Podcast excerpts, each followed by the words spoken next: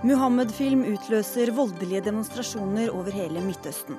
Utspekulert og ondskapsfullt fra en filmskaper som vet godt hva han gjør, sier NRKs Sissel Wold. Civita er ikke en tankesmie, men en bankesmie som banker inn høyrepolitikk, mener kulturministeren. Respektløst og kunnskapsløst, svarer Kristin Clemet. Norge bør bremse, men har tre føtter på gasspedalen, sier SV om oljenæringa. SV vil kjøre med håndbrekket på, kontrer Oljeindustriens Landsforening.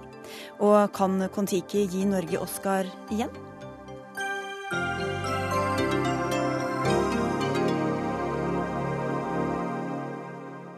Det er noen av sakene du får høre den neste timen i Dagsnytt 18 på P2 og NRK2, hvor også forfatteren Anthony Beaver stikker innom med den nye mursteinen sin om andre verdenskrig. Jeg heter Sigrid Solen. USA sender krigsskip og soldater til ambassadene sine i frykt for nye voldelige demonstrasjoner. Det skyldes den islamkritiske filmen som førte til opptøyer og drap på amerikanske diplomater i Libya for to dager siden. Amatørfilmen latterliggjør profeten Muhammed. Halvor Finnes Trettvold, du er debattredaktør på nrk.no. Hva er det ved denne filmen eh, som gjør folk så opprørt? Den er jo eh, et uh, grusomt og latterliggjørende oppgjør med profeten Mohammed og med islam som helhet. Så det er ikke så rart at folk blir eh, sinna og rasende av den. Men, men, det som er interessant, er at vi vet jo ikke egentlig om det finnes en fullengdes film engang. Det er mange mysterier som omgir denne filmen. Mange mysterier som omgir hvem som har laget den. Og det er mange F.eks. så mener skuespillerne som har bidratt seg, å være lurt opp i stry. Eh, sånn at det er mange, mange uklarheter fortsatt rundt hva denne filmen egentlig er. Det som virker å være tilfellet, er at den er laget for å provosere. Eller at traileren i alle fall er laget for å provosere og at uh, det kan ha noen tilknytningspunkter til et uh, ekstremt kristent religiøst uh, miljø i USA. Vi kan komme tilbake til det, men vi skal gå til deg, Midtøsten-korrespondent Sigurd Falkenberg Mikkelsen. Du er i Kairo i Egypt. Hva skjer der du er nå? Jeg var på Tahrir-plassen for en drøy halvtime siden, og der var det fortsatt trefninger mellom demonstranter og opprørspoliti. Eh, tåregassgranater som eh, fløy over eh, Omar Makram-moskeen. Og ungdomsgjenger som løp av gårde og svarte med steinkasting. Det har nå vært kamper i området hvor den amerikanske ambassaden ligger, i snart et døgn. Hva sier de som protesterer? Er litt forskjellig. Eh, det var ikke akkurat så veldig lett å komme, komme, i tale med dem sånn at de holder på akkurat nå. Eh, men eh, det er en forskjellig gjeng. Altså, er, de er annerledes, de som demonstrerer nå, enn det var den første dagen. Da var det nok mer religiøs betont, betonte mennesker som var der. Mye salafister, bl.a. Nå virker det å være mer gatemobb. Og det har også vært snakk om at det har vært en del fotballsupportere innblandet. sånn at bildet er noe mer hetero heterogent eh, akkurat nå. Men får se hvordan dette går i morgen. Da er Det muslimske brorskap og en del av disse salafistene tillyst en stor demonstrasjon som de sier da skal være fredelig. Men det er ingenting som er fredelig på Tahrir-plassen akkurat nå. Utenriksminister Jonas Gahr Støre, du er med oss på telefonen. Hvor alvorlig tror du denne filmstriden kan bli for forholdet mellom Vesten og de muslimske landene? Ja, Det har jo vært alvorlig ved at livet er gått tapt og diplomater er drept. Det er alvorlig for forholdet mellom land. Men her ser vi jo veldig tydelig at Libya øh, stiller seg på USAs side, kritiserer det som er skjedd. Det er en katastrofe for Libya å få dette på sin jord. Uh, så jeg tror det er tidlig å si, og jeg tror nok at regjeringen i de muslimske land her nå går en fin balanse. For de har befolkninger som reagerer uh, på en film som er ment for å provosere og er målrettet for det. Samtidig så ønsker de å Eh, opprettholde normale forbindelser med verden rundt seg, ikke bare til USA, og håndtere dette på en ansvarlig måte. Så dette må følges veldig nøye fra dag til dag. Falkenberg Mikkelsen, Egypts president, er nå i møte med EU i Brussel. Eh, hva sier han om, eh, om den eskalerende volden? Nei, han har jo vært veldig tilbakeholden og eh, til dels eh, fraværende. Han eh, tok to døgn før han uttalte seg offentlig. Det gjorde han i Brussel i dag. Og da vektla han vel så mye denne filmen som han gjorde angrepet mot den amerikanske ambassaden. Og for en president som har en ambassade på egen jord, så er jo det ganske oppsiktsvekkende. I hvert fall sett fra amerikansk hold. Og det er jo dette som er noe av den balansegangen som Støre er inne på her. og Brorskapet skal nå nå testes for hvordan de utøves, utøver denne praktiske politikken. De fleste europeiske landene og USA har satset på at brorskapet kan dra Egypt i demokratisk retning, men vi ser nå at det er mye mer komplisert enn kanskje mange trodde da Mubarak eh, falt. Men det har også vært en interessant strid på, som har foregått i cyberspace på Twitter mellom den amerikanske ambassaden i Kairo og det muslimske brorskapet, hvor eh, ambassaden i Kairo sier at brorskapet på engelsk eh, sier de er glade for at ikke det gikk noe liv tapt, og at ikke dette kommer til å ramme forholdet mellom USA og Egypt. Og på den andre siden oppfordrer til fredelige protester, riktignok, eh, mot, mot filmen og mot USA, men da på arabisk. Støre, vi husker også karikaturstriden hvor Norge delvis var involvert. Hva gjør eh, Utenriksdepartementet for å sikre norske diplomater mot eventuelle angrep? Ja, Vi har høy årvåkenhet på det nå. Eh, vi har ikke noe grunn til å tro at det er spesielt utsatte diplomater fra norsk side. De rapportene vi får fra de gjeldende landene er at eh, det er kontroll og ro og orden. Men årvåkenheten betyr jo det at vi har høy beredskap, at vi har nær kontakt med nærstående land, særlig de nordiske. Eh, og at vi tar de forholdsreglene som er nødvendige. Men som sagt, eh, det er ikke slik at vi har merket noe trykk mot de stedene via våre ambassader. Men det som skjedde i 2006 i Syria, var jo at plutselig så snudde en folkemasse seg og gikk mot den norske ambassaden. Så årvåkenhet må vi ha, selv om ikke vi er eh, på en måte veldig urolig. Hva syns du selv om filmen og også reaksjonene på den? Ja, jeg syns den filmen er primitiv. Jeg syns den er eh, helt åpenbart rettet inn på å skape reaksjoner, krenke folks følelser. Men det er en del av ytringsfrihetens eh, natur. Det er lov å produsere slikt, det er lov å legge det ut på nettet, og med tastetrykk så spres det verden over. Uh, og Det utfordrer da sikkerheten ved mange, mange steder i verden, og er en del av det moderne verdenssamfunnet vi lever i. Takk skal du ha, utenriksminister Jonas Gahr Støre, og til eh, korrespondent Sigurd Falkenberg Mikkelsen. Eh, det er mange som ikke har sett filmen, eller deler av den, de delene som ligger ute. Men eh, denne filmen 'Innocence of the Muslims' viser altså solbrente mennesker i arabisk klesdrakt som forteller om islam. Og han som spiller Muhammed, framstår som en dum mann med stor appetitt på kvinner. Unni Wikan, professor i antropologi ved Universitetet i Oslo. Hva spesifikt er det som provoserer så voldsomt? Eh, det som provoserer, er at profeten fremstilles som et ynkelig og et primitivt menneske. For muslimer så er profeten Mohammed det eksemplariske mennesket. Og han er menneske helt ut, i motsetning til Jesus, som anses å være Guds sønn. Så er profeten Mohammed et menneske, og han er for muslimer det de holder høyest. Hvilke lag av, eller, og, grupper av muslimer er det som lar seg mest provosere? Ja, Det er jo da de ytterliggående radikale salafistene.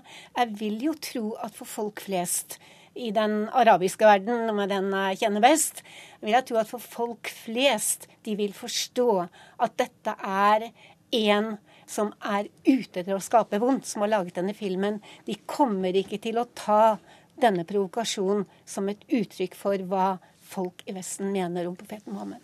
Sissel Wold, utenriksmedarbeider her i NRK. Hva syns du om det du har sett av denne filmen?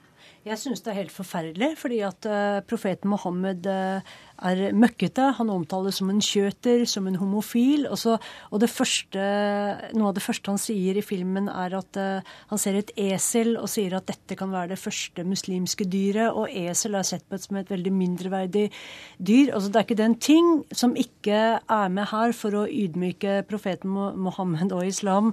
så jeg tenker først at dette er en ondsinnet film. De som har laget denne filmen, vet så inderlig godt hva de gjør. fordi at vi har vært gjennom Mohammed-karikaturstriden, som jo vekket Vesten eh, til å forstå hvor eksplosivt og hvor farlig det er å ydmyke og tulle med islam. Og så har man sett eh, hva brenning av Koranen har gjort i Afghanistan f.eks. Mange har blitt drept der i opprør. Så man vet så utrolig godt hva man setter i gang ved å lage en slik film. Tretvold? Eh, jeg syns det er en veldig interessant del av diskusjonen her at det kommer sånne stadige hendelser. Dette er jo ikke den første. Vi har nevnt to allerede. Og det kommer sannsynligvis flere også. Det jeg stiller meg spørsmålet rundt, er hvordan er det man kan best håndtere de? Det ideelle ville jo vært hvis de ble tiet i hjel, når det er åpenbare provokasjoner som egentlig ikke fortjener noe annet. Men eh, det skjønner jeg at uh, urealistisk at kommer til å skje med det første. Så da lurer jeg litt på hvordan kan man ellers håndtere noe sånt som dette her? Ja, Sissel. Ja, nei, Dette kommer jo som en av mange ydmykelser sett fra den muslimske og den arabiske verden. Man hadde imperialismen, man hadde Israel-Palestina-konflikten, som ligger der som en verkende byll. Eh, man føler med palestinerne, som blir ydmyke aldri får noen eh, løsning. Og i tillegg eh, ja, til og med korstogene. Altså de, de ser det sånn Hvorfor i all verden skal dere tråkke på det helligste vi har? Men samtidig Vikan, kan man spørre hvorfor skal de bite på noe som åpenbart er ment å provosere og lage bråk? Um det er jo folk, det er jo radikale, det er jo ekstremister i den muslimske verden som vil lage bråk, som vil la seg provosere. Jeg er så enig i det som er sagt her, at den, den er en ondsinnet film. Men altså min, mitt håp og min tro er at folk flest i den muslimske verden er så fornuftige at de vil mene eh, at dette skal man ikke la seg provosere av. Man kan ikke på basis av noen gærninger som lager sånt, få eh, gå hen og drepe mennesker og skape uro. Men, eh, så jeg tror det kommer langsomt til å gå over. Men eh, for hvis det skal bli sånn at man hver gang en legger ut en slik provokasjon, begynner å drepe og herje, da er vi jo lost. Hvilken vei tror du det går, eh, Sissel Wold, ut fra de erfaringene du har gjort deg tidligere? Ja, Én test er jo fredagsbønnen i morgen, men jeg er helt enig med Unni Wikan at det er de mest ekstreme som tyr til voldelige midler. Men jeg husker veldig godt karikaturstriden, for da bodde jeg i Jerusalem. Og hvor, hvor lei seg folk på grasrota var, selv om ikke de gikk i gaten, selv om ikke de demonstrerte. Men de var så inderlig fornærmet og skuffet. Og det er det veldig mange som uh, føler, uten at de er voldelige. Men med dagens medievirkelighet som du opererer i, Tretvold, så er det jo ikke noe grunn til å tro at det blir mindre av denne type hets og Nei, provokasjon? Og det er jo det som skiller denne hendelsen, den siste hendelsen fra karikaturstriden. Den gang var det store, etablerte mediehus som trykket karikaturtegninger. De var også langt mer subtile og kanskje noe mindre provoserende, hvis det går an å, å vurdere det. Men denne gangen er det altså eh, kanskje, sannsynligvis, en fyr med en YouTube-konto som har klart å sette i gang dette her. Og det sier noe om hvor vanskelig det er å skulle håndtere eh, lignende tilfeller i framtida. Jeg vil gjerne støtte også på det dere sier, og også det Sissel Wold sa. Du, du, var i Palestina, da det skjedde sist med karikaturstriden. Jeg var nede i Oman. Så jeg er enig i deg. Folk flest blir uhyre såret over at vi, liksom, noen av oss, vil tråkke på profeten. Og, så det har vi i Vesten vanskelig for å forstå hvor høyt han settes. Eh, så mm, være for ytringsfrihet, ja, men forstå hvilken spesiell posisjon profeten har for men samtidig er jo dette en ny medievirkelighet som også muslimer i den arabiske verden må forholde seg til, eh, Sissel Wold, og at dette kommer til å fortsette? Det er slett ikke alle som har internett eh, hjemme. Men jeg husker eh, disse karikaturene de ble spredt via Al Jazeera Arabic, så det spørs jo hva Al Jazeera gjør ut av dette også, for det er noe som alle ser. Så, men også vi som er så sekulære her hjemme i Berget på, i, i, i, Norge, vi forstår ikke hvor stor plass religion har ute i den muslimske verden. Kan, jeg tror ikke vi kan skjønne hvor, hvor tråkket de føler føler seg. Og vi husker jo 'Life of Brian'. Eh, den er jo veldig uskyldig i forhold til denne filmen som eh, ligger ute nå.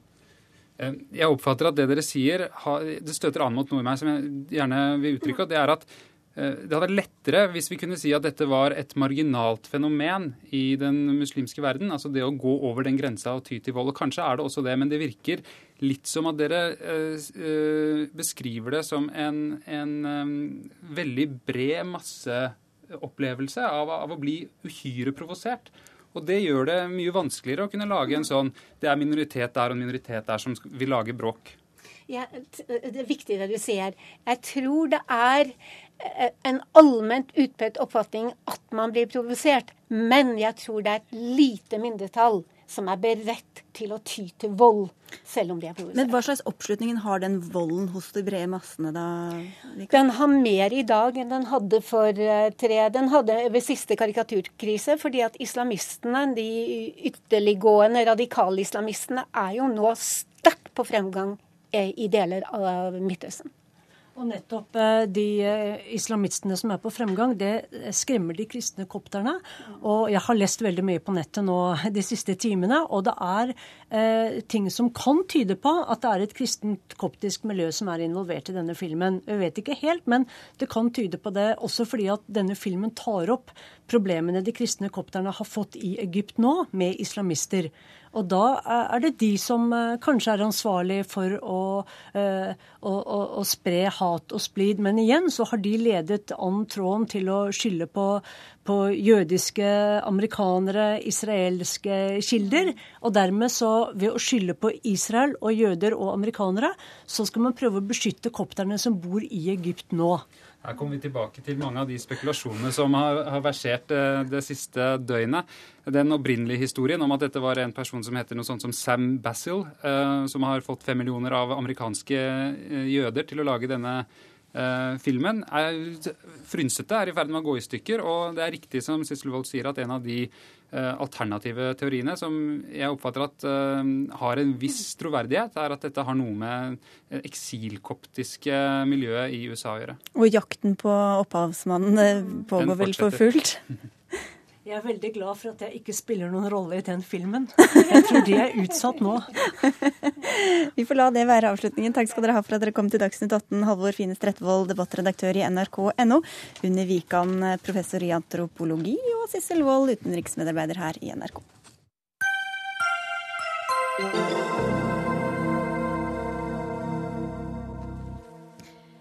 Civita er eh, ingen eh, tankesmie, men en bankesmie som banker og banker inn eh, gammel høyrepolitikk der de kommer til. Det skriver kulturminister Anniken Huitfeldt på nettstedet Twitter i dag. Og Huitfeldt, hvordan opererer Civita som en bankesmie, mener du? Civita er et veldig interessant samfunnsfenomen som vi har sett fra USA, hvor eh, NHO og Rederiforbundet istedenfor å gi penger direkte til Høyre, har gitt det til Civita og oppnådd veldig mye. For det første så har de oppnådd å få vennskap mellom ungdomspolitikere fra Fremskrittspartiets Ungdom, Unge Venstre. De er ansatt der, de skriver rapporter. Og vi ser den konkrete resultatet, at Unge Venstre nå og Venstre er for Frp i regjering. Og så har man da sett at det er mye mer legitimt å lage rapporter med fotnoter og tabeller som støtter opp om under ett syn. Det er ikke noe forskningsrapport som har fordeler og ulemper eller forsøker å fremstille sakene nyansert, men det er fotnoter og tabeller som støtter opp under høyrepolitikk. Som f.eks. Kristin Clemet, som ønsket en mer liberal friskolepolitikk, som lagde lover for det. Og så fortsetter hun da i Civita og lager tabeller modeller som støtter opp under dette i Civita. Men mener du, når du sier høyrepolitikk, mener du partiet Høyre, eller bare altså, generell borgerlig politikk til Høyre for Arbeiderpartiet? Først og fremst Høyre. Men det er også en del andre som er med. Tidligere Frp-ere, eh, venstrefolk, som har blitt knytta til Høyre. Og sånn sett eh, fungert for å skape fellesskap på høyresida fram mot neste stortingsvalg. Akkurat det var vel ønskelig, Kristin Clemet, men hva syns du ellers om kritikken fra Nei, altså, Vi sitter her fordi hun har tvitret om dette her i dag, og eh, det er veldig mye feil i det hun sier. Altså, for det første feil at vi bare er opptatt av én sak. Altså Av ca. 150 publikasjoner vi har utgitt, så handler et par små publikasjoner om friskoler, som Huitfeldt er opptatt av. Det er også helt feil at vi er knyttet til ett bestemt politisk parti. Vi har ingen organisatoriske eller finansielle bånd til noe politisk parti. Men vi har et liberalt verdigrunnlag. Men det som hun litt uh, ufrivillig har kommet til skade for å gjøre, tror jeg, er å illustrere hvorfor så mange tusen mennesker søker til Civitas aktiviteter hvert år. For det vi har forsøkt å gjøre, det er å skape arenaer hvor mennesker med ulikt syn kan komme sammen til en sivilisert samtale. Og Grunnen til at så mange kommer dit, det tror jeg er at mange er litt lei av den delen av partipolitikken hvor man bare kakker hverandre i hodet med forutbestemte standpunkter, eller hvor man forsøker, slik som Huitfeldt har gjort i dag, å karakterisere og diskreditere en samfunnsdebattant fremfor å diskutere de synspunktene vi har lagt frem. Og dette her med at vi skulle liksom fremme et bestemt politisk parti, altså de to siste gangene tror jeg i Dagsnytt 18 hvor Sivert har vært involvert, så har det vært i debatter eh, faktisk mot eh, partiet Høyre. Så eh, vi fremmer mye borgerlig politikk, men først og fremst mye hva jeg vil kalle prepolitikk. Mye ideologi, filosofi, utredninger som ikke egentlig tar stilling eller fremmer spesielle forslag. men ellers så, Og vi støtter ofte også regjeringen. Jeg har vært på debatter der sjøl, jeg. Så jeg sier ikke at det er uinteressant. Men jeg sier hva som er hensikten med å etablere Civita. Og det er jo fordi at de høyrekreftene har sett det som mer formålstjenlig å gi pengene sine dit enn til andre steder. Er det snikete og ta på noen f.eks. velferdsstaten, da. Når de lager en rapport om velferdsstaten, bare sånn tilfeldig valgt. Da lager de eh, en rapport som sier at eh, det er stort sett høyrefolk som på en måte har æren for velferdsstaten. Så lager de rapporter om sykelønnsordning, og da sier de nå må man virkelig ta tyn ved hornet og kutte i sykelønnsordningen. Så de fremmer jo det som er høyresidas økonomiske interesser, er et propagandakontor for høyresidas politikk med fotnoter og tabeller. Men det er interessant, det er morsomt. og jeg er jo veldig glad i å debattere med Kristin Clemet, men hun mener ikke noe annet i Civita Så det er enn det hun forutsigbart alltid hva har som ment kommer ut i derfra? NHO og Høyre. Men jeg syns det er veldig merkelig av en kulturminister som priser mangfold, å være så negativ og stemplende overfor en eh, institusjon i sivilsamfunnet forsøker å bidra til det mangfoldet. Vi har et hundretalls økonomiske givere, ikke to, som du sier. Og dessuten så eh, er vårt formål veldig enkelt. Vi skal eh, bidra til å fremme de verdiene som ligger til grunn for en fri økonomi, et styrket sivilsamfunn og styrket personlig ansvar. Det er formålet til Civita, ingenting annet. Men hvor Og- forutsigbart vil du si det er det dere kommer med, da? jeg håper at det kan være litt uforutsigbart. I det siste så har vi f.eks. fremmet en eh, debatt om Riksrevisjonen, om forvaltningspolitikk, hvor vi møter motstand først og fremst på borgerlig side og opposisjonen i Stortinget, mens jeg mistenker ganske mange i regjeringspartiene for å være enige med oss. Vi fremmer andre standpunkter når det gjelder innvandring og integrering, andre standpunkter når det gjelder sykelønn, en meget oppsiktsvekkende rapport om skattepolitikk, hvor vi ikke kan si vi har fått så mye støtte i de politiske voksenpartiene, men litt blant ungdomspartiene. Så jeg tror Anniken Huitfeldt er nødt til å sette seg litt mer inn i det vi gjør. Mange tusen mennesker kommer på møtene våre. Over 120 mennesker hvert år blir skolert gjennom skoleringsaktivitetene våre, og der deltar det unge ledere og ledertalenter fra Arbeiderpartiet, fra SV, fra Senterpartiet. Og de syns det er interessant, fordi man sitter der ikke og kakker hverandre i hodet med forutbestemte standpunkter, men man utforsker meningene sine og begrunnelsene og går litt bakenfor den dagsaktuelle politikken. Ja, men dette er jo interessant. Ja, Men jeg bare sier, Hva er det som er hensikten med å etablere Civita, og hva er det som er det overordna budskapet som alltid kommer ut? Og man har jo lykkes, nettopp det som Kristin Clemet sier, med å skape et fellesskap mellom politikere fra Unge Venstre, fra Fremskrittspartiets Ungdom og fra Unge Høyre. Er det, det er kritikkverdig, det, da? Nei, jeg bare sier at man, og spesielt journalister, må være oppmerksom på at dette er høyrepropaganda belagt med fotnoter La meg snakke ferdig. Med fotnoter og tabeller. Men man framstiller liksom som dette er bare nøytralt og bare hyggelig. Men det er jo ikke sånn at NHO hadde gitt penga sine dit. Men de sier jo at de er liberale og hva de Og for fri markedsøkonomi. Så hun er jo for fri markedsøkonomi og mener det samme som hun mente i NHO Ja, og i Høyre. Og hun karakteriserer også mye gjennom Civita og kaller det eh, Stoltenbergs privatskolebløff. Og viderefører den argumentasjonen som hun hadde som Høyre. Hun er ikke nøytral. Jeg er helt nøytral, jeg har ikke påstått at det er. Jeg er helt sikker på at du ikke har lest Civitas publikasjoner. Hadde du gjort hadde du gjort det, så hadde du ikke sittet og karakterisert dem sånn. Men det er noe, det er noe paradoksalt i måten du uttaler deg på. For på den ene sier du, side sier du at det er så veldig mye positivt, men på den annen side føler du en veldig trang til å bruke stemplende karakteristikker som skal forsøke å diskreditere oss, både på Twitter og her nå. Og jeg skjønner ikke poenget med det. Vi er en tankesmi i likhet med tankesmien på venstresiden.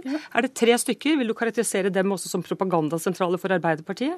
Ledelsen der er ansatt i eller har sentrale verv i Arbeiderpartiet, mottar penger fra fagbevegelsen. Altså er det manife- manifest, det også? Altså, Jeg syns du, du skulle omtale det mye mer respektfullt, ja, da- for det gjelder alle de menneskene som søker til disse aktivitetene. Gjør det fordi de er seriøst opptatt av samfunnsspørsmål og ønsker å diskutere og slippe til alle syn. Ja, men Det er jo det som er interessant. Og det er tilsvarende på venstresida med Manifest. Og mange fagforeninger gir penger for å lage tilsvarende rapporter.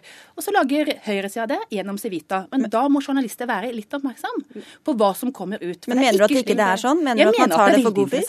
men mener du at journalister tar det Jeg mener at det man har erfart fra USA, er jo at eh, veldig mange økonomiske sterke interesser har sett at man påvirker samfunnsdiskusjonen mye mer gjennom å gi penger til den type tankesmier som eh, deltar og forandrer diskusjonen gjennom tabeller og andre ting, eh, og at man da påvirker den i en høyere retning. Og det er det som er Kristin Clemets mål. men, men mener, men mener du at hun legger lokk på det, lokk på noe og liksom prøver å skjule Ja, ting? Hun framstår liksom som en sånn nøytral forsker som kommer med noen tabeller og sånn. Men hun er den gode, gamle Kristin Clemet som hun alltid har vært for privatskoler for fri markedsøkonomi, og det er en is i Du sier veldig mye tull, altså. Det er mange forskere som fremstiller seg som nøytrale, men som har et politisk syn. Det har vi merket, det oppdaget i forbindelse med den hjernevaskdebatten. Vi eh, gjør det motsatt. Vi sier vi har et politisk syn, et verdigrunnlag. Ikke et partipolitisk syn, men vi har noen ideer. Og så lager vi publikasjoner, møter, skoleringsaktivitet, og Men, alle men hva gjør det med de kvaliteten på- publikasjonene deres? Altså, hva slags eh, informasjon dere samler inn, og hvordan det blir behandlet? Ja, vi, vi prøver å være akademisk redelige. Jeg vil ikke påstå at vi er en forskningsinstitusjon ennå. Jeg håper kanskje at vi kan kalle oss det i fremtiden, men vi driver utredningsarbeid. Jeg mener at vi driver et redelig arbeid ved at vi ikke legger skjul på motstanderens synspunkter. Vi drøfter disse synspunktene, og vi redegjør for hva vi gjør. Så jeg tror de holder stigende kvalitet, og det er i hvert fall ambisjonen vår, at vi ikke skal oppføre oss som en propagandamaskin, eller som sånn, slik mange politiske partier ofte gjør, og politikere gjør. Ja, Det står i formålet deres vi påvirker ikke gjennom lobbyisme, men med argumenter. Vi håper å bygge en sterkere borgerlig offentlighet. Det er jo din åpningssitat fra å etablere Civita, og nå er jo dagens sitat da, på deres hjemmeside. Sosialdemokrater har først og fremst bidratt gjennom å forlate sosialismen. Så Det er jo denne undertonen hele tiden, og det er helt greit. Men du mener ikke noe annet nå Men enn å få Høyre jo, det er jo ingen som har lagt skjul på noen gang at vi er en partiuavhengig, men ikke en verdiuavhengig tankesmier. Det er det vanlige fenomenet i hele verden. De fleste tankesmier er ikke knyttet til partier, men de er knyttet til verdier. Og jeg kan ikke skjønne at, en, at en politiker kan være negativ eller karakterisere det på en negativ måte. Det syns jeg er underlig. Jeg tror alle journalister også har oppfattet Men blir du fornærmet at jeg karakteriserer deg som en helt tradisjonell Høyre-dame, som har et styre som stort sett består av Høyre-folk, og som ansetter en masse Unge Venstre og FPU-ere hos deg? Syns du det er negativt at jeg kaller deg en tradisjonell Høyre-dame som mener stort okay, må Det som svare helt kort startet på det, Anniken Huitfeldt, var at du slang ut av deg karakteristikker på Twitter som prøvde å diskreditere en samfunnsdebattant fremfor å diskutere det vi står for. Det var det det startet Er det deilig å slippe å forholde seg til et partiprogram og tenke på hva Ja, jeg, En av grunnene til at jeg ikke har vært i partipolitikken hele mitt liv, men har pendlet litt mellom eh, partipolitikk og annet, det er at jeg syns det av og til er deilig å ha fri fra dette spillet som man av og til finner i partipolitikken, og disse, at man aldri kan skifte mening, aldri lytte til andre, aldri fremme en dristig mening. Aldri er litt overdrevet, men i hvert fall er det ganske mye av det i partipolitikken. og Derfor er det veldig bra at vi har en presse, at vi har forskningsinstitusjoner og tankesmier som kan bidra til å bredde ut den politiske debatten. Og det gjør deg kanskje litt misunnelig, Anniken Huitfeldt? Altså Det som Clemet gjør da gjennom Civita, det er jo å lage karakteristikker som bløff om friskoler, bløff om privatskoler, og bruker den samme argumentasjonen som hun alltid har gjort. Og der må vi avslutte. Takk skal dere ha for at dere kom, Anniken Huitfeldt, kulturminister, og Kristin Clemet fra Civita.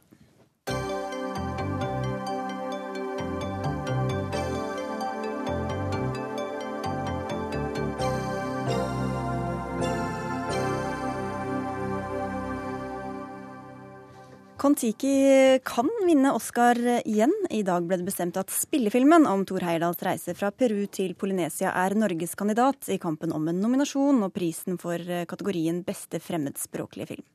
Inger Merete Hobbelstad, filmkritiker og kommentator i Dagbladet. Hva er Kon-Tikis sjanse i Hollywood, tror du? Den er nok ganske liten, er jeg redd. Nå er det jo veldig hyggelig om jeg tar feil, og den viser seg å være på nominasjonslisten når denne eh, offentliggjøres i januar, men jeg har nok mine tvil om det. Og det er det en ganske enkel grunn til. At det er litt Og jeg har veldig sans for Kon-Tiki. Jeg syns det er en meget eh, vellaget eh, film. Men det er noe litt overmodig å dra til Hollywood med den filmen. Det er snakk om å forsøke å konkurrere med de store studioene om det som er deres absolutte paradegren. Eh, hvis du ser på disse kavalkadene de pleier å kjøre eh, på Oscar-sendingene når de ser tilbake på filmhistorien, så er det jo Altså, du settes jo da opp mot alle sånne eh, handlingsdrevne, storslagne ut på eventyrfilmer. Eh, fra Lawrence of Arabia opp gjennom Indiana Jones og Spielberg-filmene, Ridley Scotts eh, eh, historiske dramaer. Og der er jeg redd at eh, Kon-Tiki kommer til kort, ikke minst fordi disse filmene har et eh, enormt eh, ressursapparat bak seg, som Kon-Tiki, selv om den er veldig påkostet, ikke har hatt. Ingeborg Heldal, programleder på Viasat Film. Thor Heyerdahl vant Oscar med dokumentarfilmen om Kon-Tiki i 1951. Hva tror du det kan bety for vinnersjansene til eh, spillefilmen Kon-Tiki?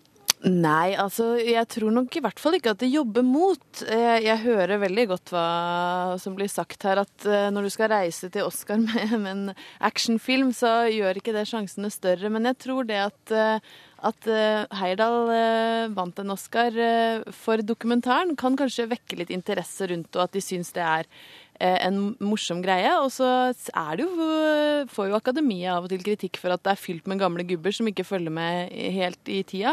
Så kanskje det er Norges sjanse, da. At det sitter noen der som delte ut priser i 51 og som syns at dette er kjempemoro og får lyst til å gi Kon-Tiki en Oscar til. Da må du være veldig gammel. Ja. Eh, jeg tror nok også kanskje ikke det er så mange som husker akkurat det. altså Det begynner å bli veldig lenge siden. Det som eventuelt taler til filmens eh, fordel, er at du ser, selv om den har fått spraglete mottagelse nå i USA etter den ble vist under filmfestivalen i Toronto, så blir den berømmet for de tekniske kvalitetene. Eh, altså det var, jeg tror det var Variety i sin anmeldelse som bemerket at eh, Sandberg og Rønning, altså regissørene, er veldig gode på eh, måten de altså Når de er på denne flåten, de har ikke så mange muligheter med å sette kamera, men de klarer å variere scenene. De klarer likevel å gjøre det tydelig hvor, de forskjellige, hvor på flåten de befinner seg osv. Eh, og Oscar har nese for å pleier også belønne den typen på en måte eh, smidig vellagethet da, i filmer. Men eh, hvis du ser på hvilke filmer som har vunnet Oscar for beste fremmedspråklige fremmedspråklig film de siste årene, hvilke som har vært nominert, Eh, så er det nesten uten unntak eh, litt sånn stillferdige dramaer som er karakterdrevne, følelsesdrevne, gjerne litt sentimentale. Eh, og litt, kanskje som har med seg en liten egenart fra landet de kommer fra.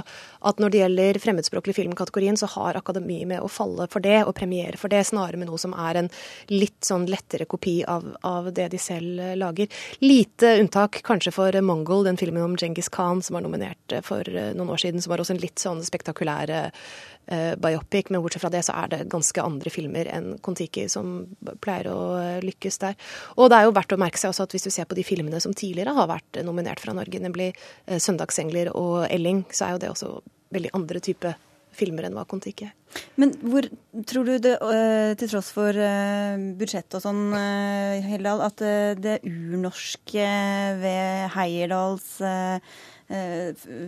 tur kan også appellere til amerikanerne? Det kan nok det. Hvor mye, hvor mye vekt Akademi legger på det, er jo veldig vanskelig å si. Men det kan jo godt hende at den vil få et publikum i USA nettopp fordi det handler om noe som er veldig rotnorsk, og en, en del norsk historie som, som vi er veldig stolte av. Samtidig så er det jo ikke en historie som er veldig kjent blant uh, yngre kinogjengere i dag. Så sånn sett så kan man jo håpe på at den får uh, At det, skapes litt blest om den, sånn at vi kan få delt vår, vår, stolte norske, norske, historie. Så det at den er, griper tak i noe som er rotnorsk, tror jeg er bare en fordel. Eh, jeg tenker litt annerledes her. altså. Jeg tenker En ting er på en måte det særnorske og det eksentriske. Det har vist seg å ha stor gehør internasjonalt de siste årene. F.eks. med at filmene til Bent Hamer har vært veldig kritikerroste. Gjort det veldig godt. Men altså, Kon-Tiki er ikke så mye en rotnorsk film som en veldig nasjonalromantisk film. Altså, Det kjente jeg til også forrige film til eh, Rønning og Sandberg, som altså baserte seg selvfølgelig på livet til Max Manus. At den tar tak i nasjonale litt sånn storslagne, nesten sånn myteomspunne skikkelser, eh, og lager en slags visualisering av deres eventyr. Da, at man får anledning til å se foran seg det man på en måte har en slags vag følelse om eller har hørt fortellingen om ved at foreldre har snakket om det, eller altså på lignende måte før. Og jeg tror nok i Norge så har begge filmene fått uh, betydelig drahjelp av nettopp dette. At en god del av PR-jobben er gjort fordi de appellerer til publikum som har et forhold til disse historiene fra før. Det har ikke et internasjonalt publikum, og jeg tror i denne sammenhengen tror jeg det ikke taler til filmens fordel. Det er ikke noen kritikk i det jeg sier her, det er bare at jeg tror et norsk publikum vil motta disse filmene ganske annerledes. Men, men hvorfor tror du ikke at de da velger en mer særpreget uh, film å sende av gårde? Eh, nei, altså det er jo jeg, altså, jeg og de som velger ut uh, Oscar-hyllene, er sørgelig nok ikke alltid helt enige. Uh, jeg var jo litt lei meg for at de valgte som de gjorde i fjor også. Da, de, skjønt, da valgte de mer å gå sånn i kammerspillretning da, da de nominerte, eller forsøkte å få Sykt lykkelig eh, nominert. Men altså, i år så er det ikke Det er ingen andre åpenbare kategorier heller, altså. Eh, med det forbeholdet at det er jo en del spennende filmer som kommer nå i høst som vi ikke har sett, og som har fått god mottagelse allerede i Toronto, altså 90 minutter og Uskyld. Eh, men eh, altså det du ser nå i norsk film, Du har en norsk filmhøst som er noe av det mest mangfoldige vi har sett. Men du har, filmene har ikke helt landet. De har veldig gode anslag. De er ikke helt gjennomførte. Så det er ingen åpenbare ting du kan peke på at du skal si at den burde vært der. Hva sier du, Heldal? Har du noen andre favoritter? Som burde ha vært sendt istedenfor Kon-Tiki? Mm. Nei, jeg skjønner at det er fristende å sende den. Ja. Det er en av de mest påkosta norske filmene noensinne. Vi, den uh, viser et stykke historie vi er stolte av. Jeg hadde sikkert eh, kommet til å stemme på den, ja. altså, fristelsen blir for stor. Vi vil jo veldig gjerne at folk skal se det her, selv om de er utrolig flinke på akkurat den sjangeren i USA. Så har vi selvfølgelig lyst til å vise at vi kan, vi også. Så jeg hadde sikkert stemt på Kon-Tiki. Og over nyttår får vi altså vite om det går videre. Takk skal dere ha for at dere kom til Dagsnytt 18, Inger Merete Hobbelstad i Dagbladet og programleder i Viasat Film, Ingeborg Heldal.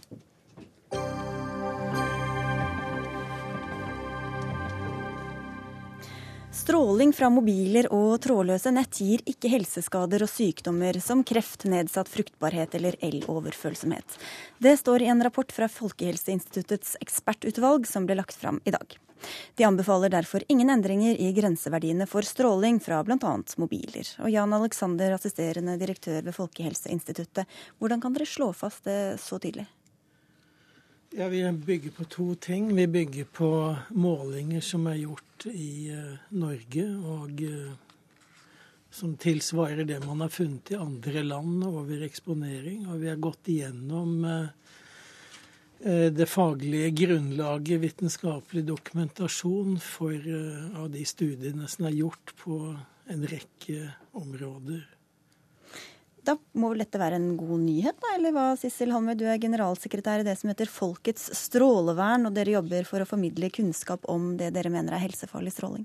For oss er dette en sørgelig dag, egentlig. At vi har eh, en ekspertkomité som er satt sammen på en måte som gjør at man kommer til det resultatet som man ønsker. Bare for å kommentere målingene. De målingene er jeg godt kjent med. Det er gjort på tilfeldige steder i Norge. Det er veldig høye verdier. Det er verdier som en stor prosentandel av norske befolkningen ikke ville tålt å, å, bo i. At man har gått gjennom studier, ja, man har gått gjennom mange studier, men de studiene som viser helseskader, de har eh, ikke fått den oppmerksomheten som de burde få. Selekt, et selektivt utvalg? Nei, jeg vil ikke si det. Vi har sett på det meste som er der, men det er klart at man må vurdere totaliteten her. og... Uh, vi har også sett på kvaliteten i studiene, slik at jeg mener vi har gjort en eh, best mulig vurdering. Mange fine ord og mange eh, forklaringer og bortforklaringer. Men hvis det er studier som viser helseskade, f.eks. 30% redusert sædkvalitet av å ha laptopen på fanget, så hjelper det ikke at det er ti studier som ikke viser det. Og spesielt ikke hvis det er industrien som har finansiert de ti studiene som ikke viser noen ting. Hva mener du med det? Det mener jeg at hvis man teller alle studiene som er gjort på det her, så er det altså 75% av de studiene som ikke viser noe, er finansiert av industrien. Av mobilindustrien? Av mobilindustrien. Er det noe dere er bevisst eh, folkehelse? Ja, vi har uh, omtalt dette med finansiering av studiene. Nå har ikke vi gått spesielt inn på det, men det er ingenting som tyder på at dette i vesentlig grad har påvirket resultatet. Men hvilke vesentlige gode studier kan dere vise til som viser en fare ved mobilstråling? da? Dessverre så har det gjort veldig lite studier, og det er merkelig at det ikke er penger til forskning på det i det hele tatt, så lenge vi nå utsetter hele befolkningen for denne strålefaren, og mange beviselig er blitt syke av det. Jeg har lyst til å bare gå inn på det med eloverfølsomhet f.eks., som eh, er en stor gruppe i Norge og i hele verden, med altså, foreninger i alle land som har disse plagene. Da altså sier, man, kan, man, blir syk av å være i nærheten av stråling? Eh, av, man tåler ikke forskjellige typer frekvenser.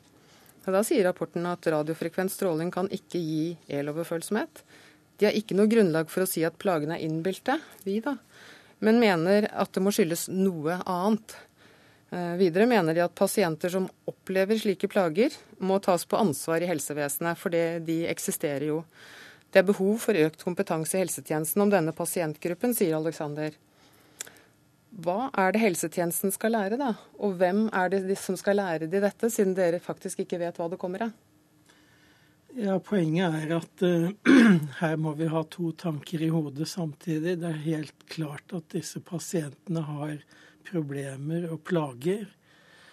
Uh, men på den annen side så er det gjort en rekke studier som viser, eller de kan ikke vise, at det er en fysisk sammenheng mellom denne eh, mobilstrålingen eller disse elektromagnetiske feltene og helseplagene. Eh, så det vi kan si, det er jo at eh, det er en uenighet da om disse helseplagene skyldes disse feltene. Men det er ikke noe uenighet at pasientene lider. Men dere mener de må behandles, men man vet ikke helt hva de skal behandles for, da? Ja, de har jo helseplager. Disse må jo utredes, f.eks. Det kan jo ligge andre alvorlige sykdommer under, og det kan være andre årsaker til plagene. Vi har ikke gått så veldig nøye inn på hvilke andre årsaker som kan tenkes. Vi drøfter litt uh, omkring dette i rapporten. Men uh, Vi har jo faktorer sånn som eh, de fleste av oss kjenner jo til placebo. Det er jo en annen type effekt som vi kaller for nocebo-effekten, som eh, kan være en viktig eh, faktor her. Jeg vet ikke hva nocebo er, men det er mange fine ord man kan bruke om det, egentlig. Men jeg har vært eloverfølsom i 25 år. Jeg er sivilingeniør og, og, har ikke noe grunn til å gå rundt og innbille meg at jeg har en plage som jeg ikke har. Og jeg blir veldig provosert, for hvis dere var interessert i å vite noe mer om det, så kunne jo noen av de som hadde kunnskap, som hadde erfaring, få vært med i referansegruppen.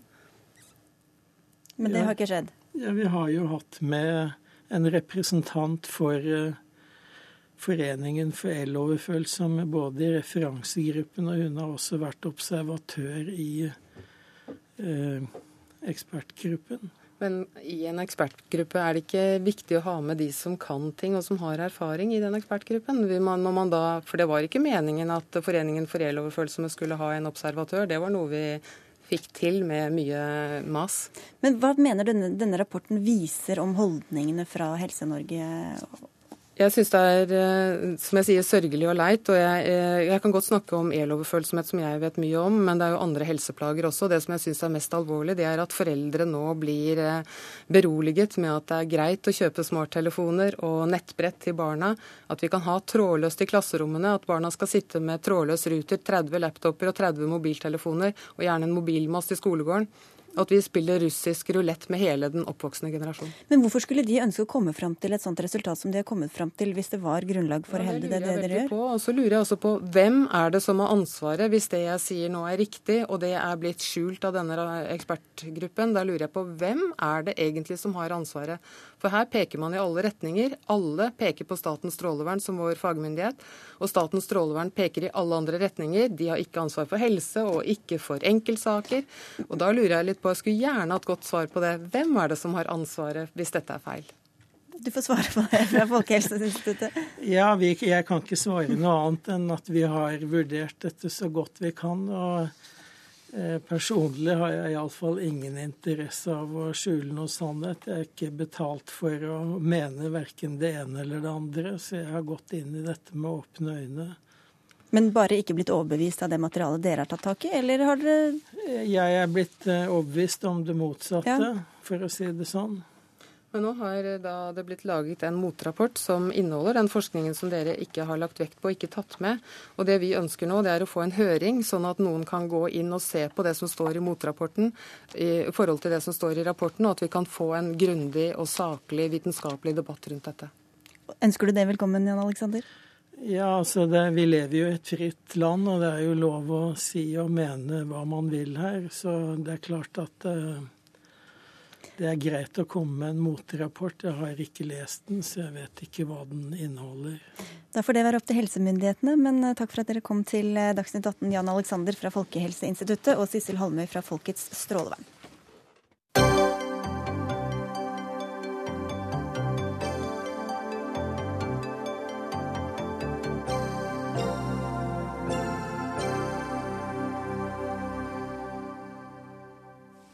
I går kveld langet Statoil-sjef Helge Lund ut mot dem som ønsker mer moderasjon og bremsing av aktivitet i oljebransjen.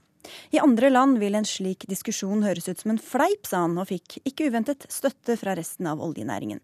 Men han møter også motbør, bl.a. fra deg, Geir Ketil Hansen, finanspolitisk talsmann i SV. Dere vil senke tempoet innen oljenæringen. Hva er de viktigste grunnene til det? Det er det at oljesektoren nå har jo en enorm vekst i investeringsnivået. En, en investeringsboom, altså fordobling på få år.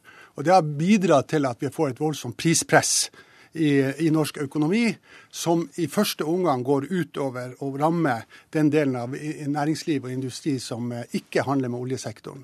Eh, og som eh, og som konkurrerer internasjonalt, de klarer ikke det her voldsomme prisnivået innenfor lønn og innenfor andre kostnader. Sånn at det er blitt en trussel mot det øvrige næringslivet i Norge, industri. Gro Brekken, leder i Oljeindustriens Landsforening, du er med oss fra oljebyen Stavanger. Hva syns du om denne maningen til moderasjon? Ja, eh, det er jo en ganske spesiell problemstilling. Eh, vi er heldige som har høy aktivitet og eh, lite arbeidsledighet i Norge, og en industri som har vart og skal vare lenge. De andre viktige industriene i Norge, f.eks. treforedling, har, går ikke dårlig fordi at norsk oljevirksomhet går godt. Kraftkrevende industri går heller ikke dårlig fordi at norsk eh, oljevirksomhet går godt, men de har strevd pga. konkurranseforhold internasjonalt. Og som vi fikk vite nå sist uke, har kraftkrevende industri strevd fordi de har, mener de har for høye priser på kraft. Så det er helt andre ting enn det som eh, blir hevdet av Geir Ketil Hansen. Men ser du Men, heller ikke problemet at dere henter inn arbeidskraft som også er attraktive for andre næringer, og lønner dem på en måte som sender det generelle lønnsnivået opp, og skaper problemer da for andre deler av industrien? Ja, altså, jeg, nå vet ikke jeg hvilke deler av industrien det eh, handler om, for å være helt ærlig. Men det, syns, eh, det blir jo litt snudd på hodet, for vi skal jo være, syns jeg, for utrolig glad for at vi har aktivitet, flere hundre tusen arbeidsplasser med høy kompetanse i alle ledd. Og vi ser for oss at det kommer vi til å fortsette å ha for våre barn og våre barnebarn hvis vi fortsetter å forvalte dette her på en eh, forutsigbar og stabil, stabil måte. Det høye, høye, aktivitetsnivået, kan jeg bare si litt om det, siden det ble nevnt. Det høye aktivitetsnivået det blir stadig vekk fremholdt som en, en grunn i seg selv til å redusere det som kalles moderasjon. Men her snakker man om to helt forskjellige idretter. Så det som gjør at vi har høyt investeringsnivå nå, det er at eh, vi har eh, en, en, eh, politikk fra norske myndigheter hvor de ønsker at vi skal få mer ut av de feltene som allerede er i drift. Og fordi oljeprisen akkurat nå er såpass høy, så er det et veldig Eh, er det muligheter å få ut mer, og det investeres det i. Så det er de feltene vi har hatt nå i 40 år, som det investeres mest i. Ja, da, da må vi bare spørre Hansen, Hvordan du ser for deg at denne moderasjonen og reduksjonen skal skje? Nei, det, det, vi, det, her er et alvorlig problem i et langsiktig perspektiv. og Varsellampen blinker nå over hele linja. Vi får melding fra annet næringsliv, fra industri, fra fiskeri, fra treforedling, fra reiseliv. Altså, De har et voldsomt press på kostnadsnivået, på lønnsnivået, som oljeindustrien klarer å matche, men som øvrig næringsliv ikke klarer. Og Det, det her vil bli et problem over, over, over sikt, på sikt. Som, det som, vi må se på, det er ulike virkemidler for å dempe veksten. Ikke legge ned og avvikle, men dempe veksten. Og Ett virkemiddel er å se på skattenivået. Altså Oljesektoren har jo et meget gunstig skattenivå. De har avskrivningsordninger f.eks. For, for eh, letevirksomhet som de får til fradrag, som ikke annet næringsliv har. Vi kan se på, på, på, skattenivået, og vi kan se på eh, det som tidligere har vært prøvd, en slags køordning for å, for å komme ut på, på sektoren, eh, som ikke ble effektuert så effektivt som man tenkte. Altså det er, Vi må se på en rekke virkemidler. for for det her, sånn, sånn som det går, skjer nå, med den kraftige veksten, kan det ikke fortsette. Men, men, Hvordan henger denne moderasjonen sammen med at den regjeringen du representerer, har delt mm. ut uh, olje- og gassletingstillatelser som aldri før? Ja, det er en riktig problemstilling. Og det, og, og, og det, er vi nødt til å ta tak i. fordi at vi har som mål at vi skal ha lav arbeidsledighet. Vi skal ikke ha høy arbeidsledighet i Norge. Det har vi klart til nå. Og vi, oljevirksomheten har vært en viktig bidragsyter. Men nå ser vi at faresignalene er så store at vi kan få arbeidsledighet i øvrig sektor. Så regjeringens egen politikk undergraver resten av industrien? Vi er nødt til fremover å eh, treffe, sette inn tiltak som bremser den enorme veksten. Ellers så blir vi enda mer ensidig avhengig av oljevirksomheten. Jeg må få lov til å ta det, og det, er ingen, det har vi ikke interesse av. For den virksomheten vil, vil, vil, vil stoppe en gang. Altså. Ok, for Slippe det grubrekken ja. For det første så har aktiviteten i olje- og gassindustrien alltid svingt, og det har bl.a. med oljeprisen å gjøre. Vi har utrolig dårlig hukommelse. Når vi, det er bare fire år siden at vi hadde en oljepris som var bare rundt 40 dollar fatet. Nå er den godt over 100. Og det er bare knapt tre år siden jeg begynte denne jobben, og da gikk, kom hele verkstedindustrien og klagde over at det var altfor lite å gjøre. Så det svinger alltid, og det er nettopp det at vi har en oljepris som er relativt høy, som gjør at små felt som har ligget vente, på venteposisjon nå, blir lønnsomme. Og at vi ønsker å få ut mer av de feltene som er i drift. Jo, Men dere vil jo også bore nye steder. Det er jo ikke jo, bare det, det, å jo, tømme de reservene nettopp, som er. Nettopp. Det, har, det, er jo en helt annen sak. fordi at det vi snakker om når vi, når vi snakker om nye områder og ny leting, det handler jo ikke om aktivitet og investeringer i dag. Det handler om aktivitet og investeringer som skal sikre nye arbeidsplasser for våre barn. Men også forventede inntekter som dere kan Jo, men det kommer Det tar, det tar kanskje 15, det kan kanskje 40 år før de inntektene. Må minne om at i løpet av de siste 20 årene så har vi bare funnet tre nye felt.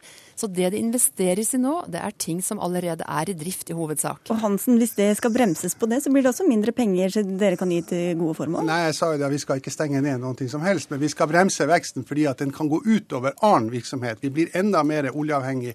og vi må, må, må kanskje, Den har økt nesten med 100 Investeringsnivået har økt nesten med 100% de siste tre årene. Og prognosene viser at den fortsatt skal vokse og vokse. Og det tåler ikke norsk økonomi, og det tåler ikke økt den andre delen av næringslivet. Og Derfor er vi nødt til å sette på bremsen og se det her i et langsiktig perspektiv. Hva slags eh, samfunnsansvar har dere utover å tjene mest mulig penger for dere selv, eh, Brekken? Ja, Vårt an eh, samfunnsansvar er at vi bidrar til en samfunnsbygging. Vi, vår troverdighet er ikke bare avhengig av at vi bidrar med penger til fellesskapet, men det er som det er nå, at vi bidrar med kompetente arbeidsplasser over rundt 250 000 som arbeider tilknyttet olje- og gassnæringen, og at vi sørger for arbeidsplasser langs i Ja. hele Norge, og at vi bidrar med kompetanse og teknologiutvikling. Men er du uenig i at dere presser lønningene også, bidrar på, med å presse lønningene opp i resten av eh, landet? Ja, det har alltid vært en utfordring for olje- og gassindustrien. Og vi hadde jo en streik i sommer hvor vi prøvde oss å sette, eh, å sette fokus på det. Og det er klart at vi har et ansvar, vi også, for å prøve å holde lønningene nede. Det er, det er et eh, det er en utfordring vi har hvert, en, hvert eneste år, i hvert fall hvert annet år når det gjelder eh, tariffoppgjøret. Det ble sagt i dag i en av hovedstadsavisene fra en av direktørene i oljenæringa at, eh, at hvis, eh, altså, hvis man, man, skal ikke begrense oljesektorens, eh, vekst, men man må heller se på å kutte i offentlige budsjetter. Og Det er jo det som kan komme til å skje, også hvis vi ikke gjør. Kutt i velferdsgoder, kutt i investering i samferdsel og andre områder. Det er det som kan komme til å skje hvis vi ikke tar grep og får til en bærekraftig økonomi i, Det i skjønner, jeg norsk bare, det skjønner jeg ikke i det hele tatt, for jeg trodde det var motsatt. At det er jo inntektene som dere politikere har, som gjør at Nei, dere er i stand til det- å er prioritere andre Ja. ting. Vi må slutte der, men bare Hansen, du representerer SV. Du har ikke nevnt miljø og klima med et eneste ord? Jo, nei, fordi at det var ikke det dere satte på dagsordenen. Men det er klart, fremtidig oljevirksomhet må også skje innenfor en forsvarlig miljø- og klimapolitikk. Og den diskusjonen kan vi ta neste gang. Da fikk Vi vi har nevnt i hvert fall. rekordbruk av kull akkurat nå, og Ja. det er viktig at vi leverer norsk gass for å erstatte den. Mm, Der var starten på en lang annen diskusjon. Takk skal dere ha, Gro Brekken fra Oljeindustriens Landsforening og Geir Ketil Hansen fra SV.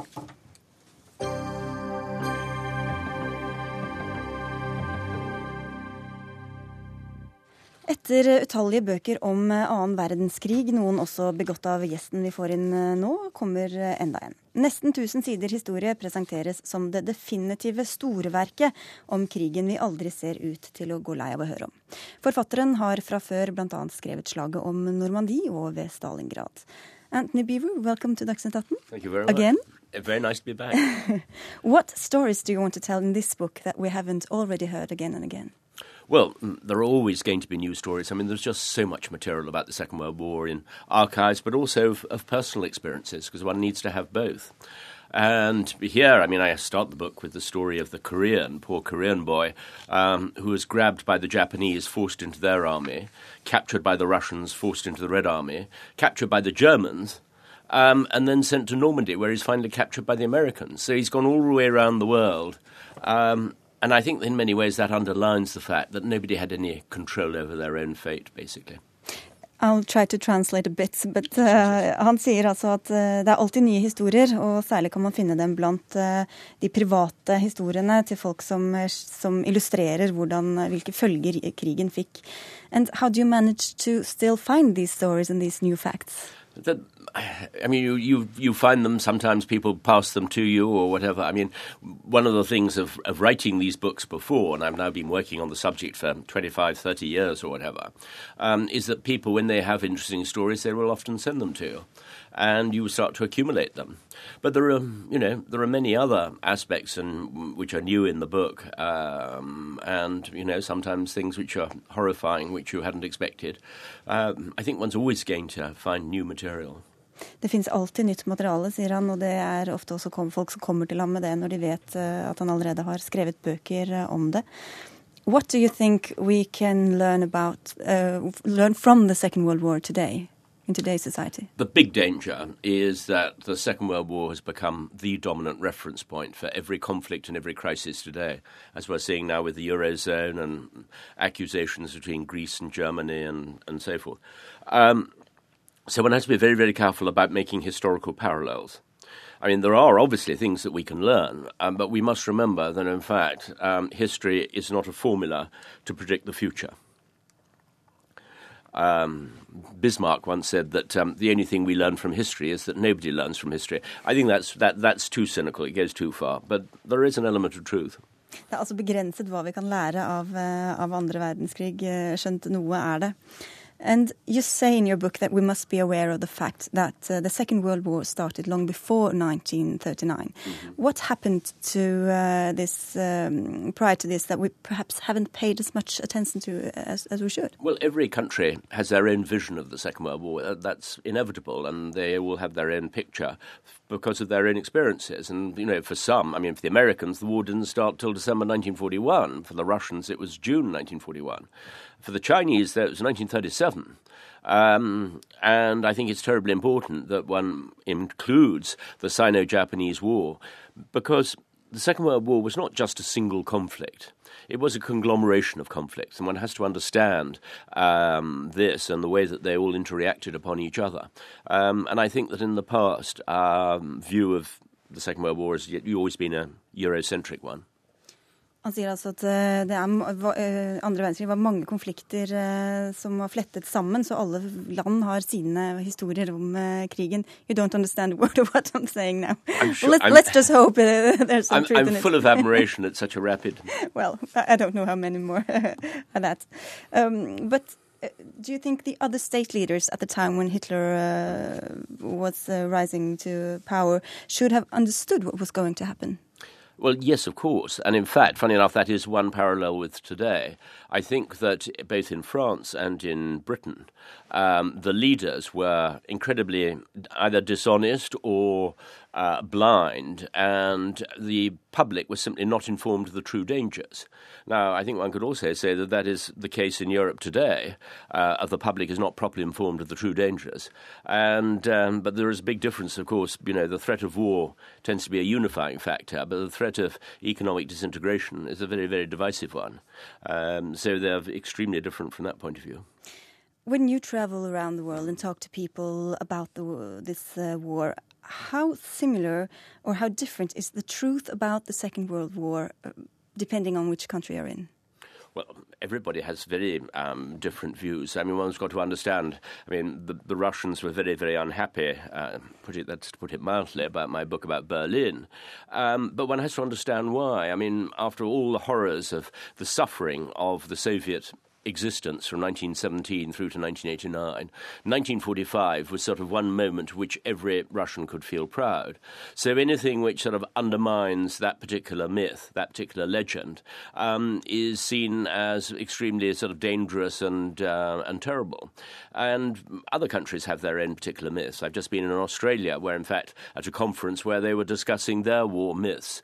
Um, I think it's terribly important that historians do re-examine these, not to sort of destroy or to undermine um, the genuine heroism of many people, but to get things in proportion.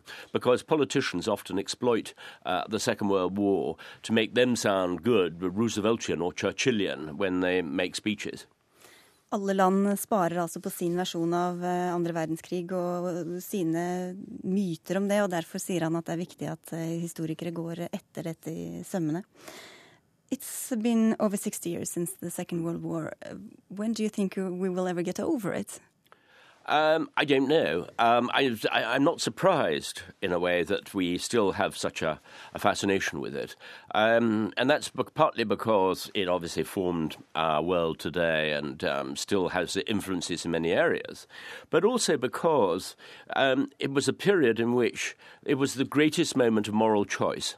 And today we don't have very many moral choices. And in fact, moral choice is the basis of all human drama.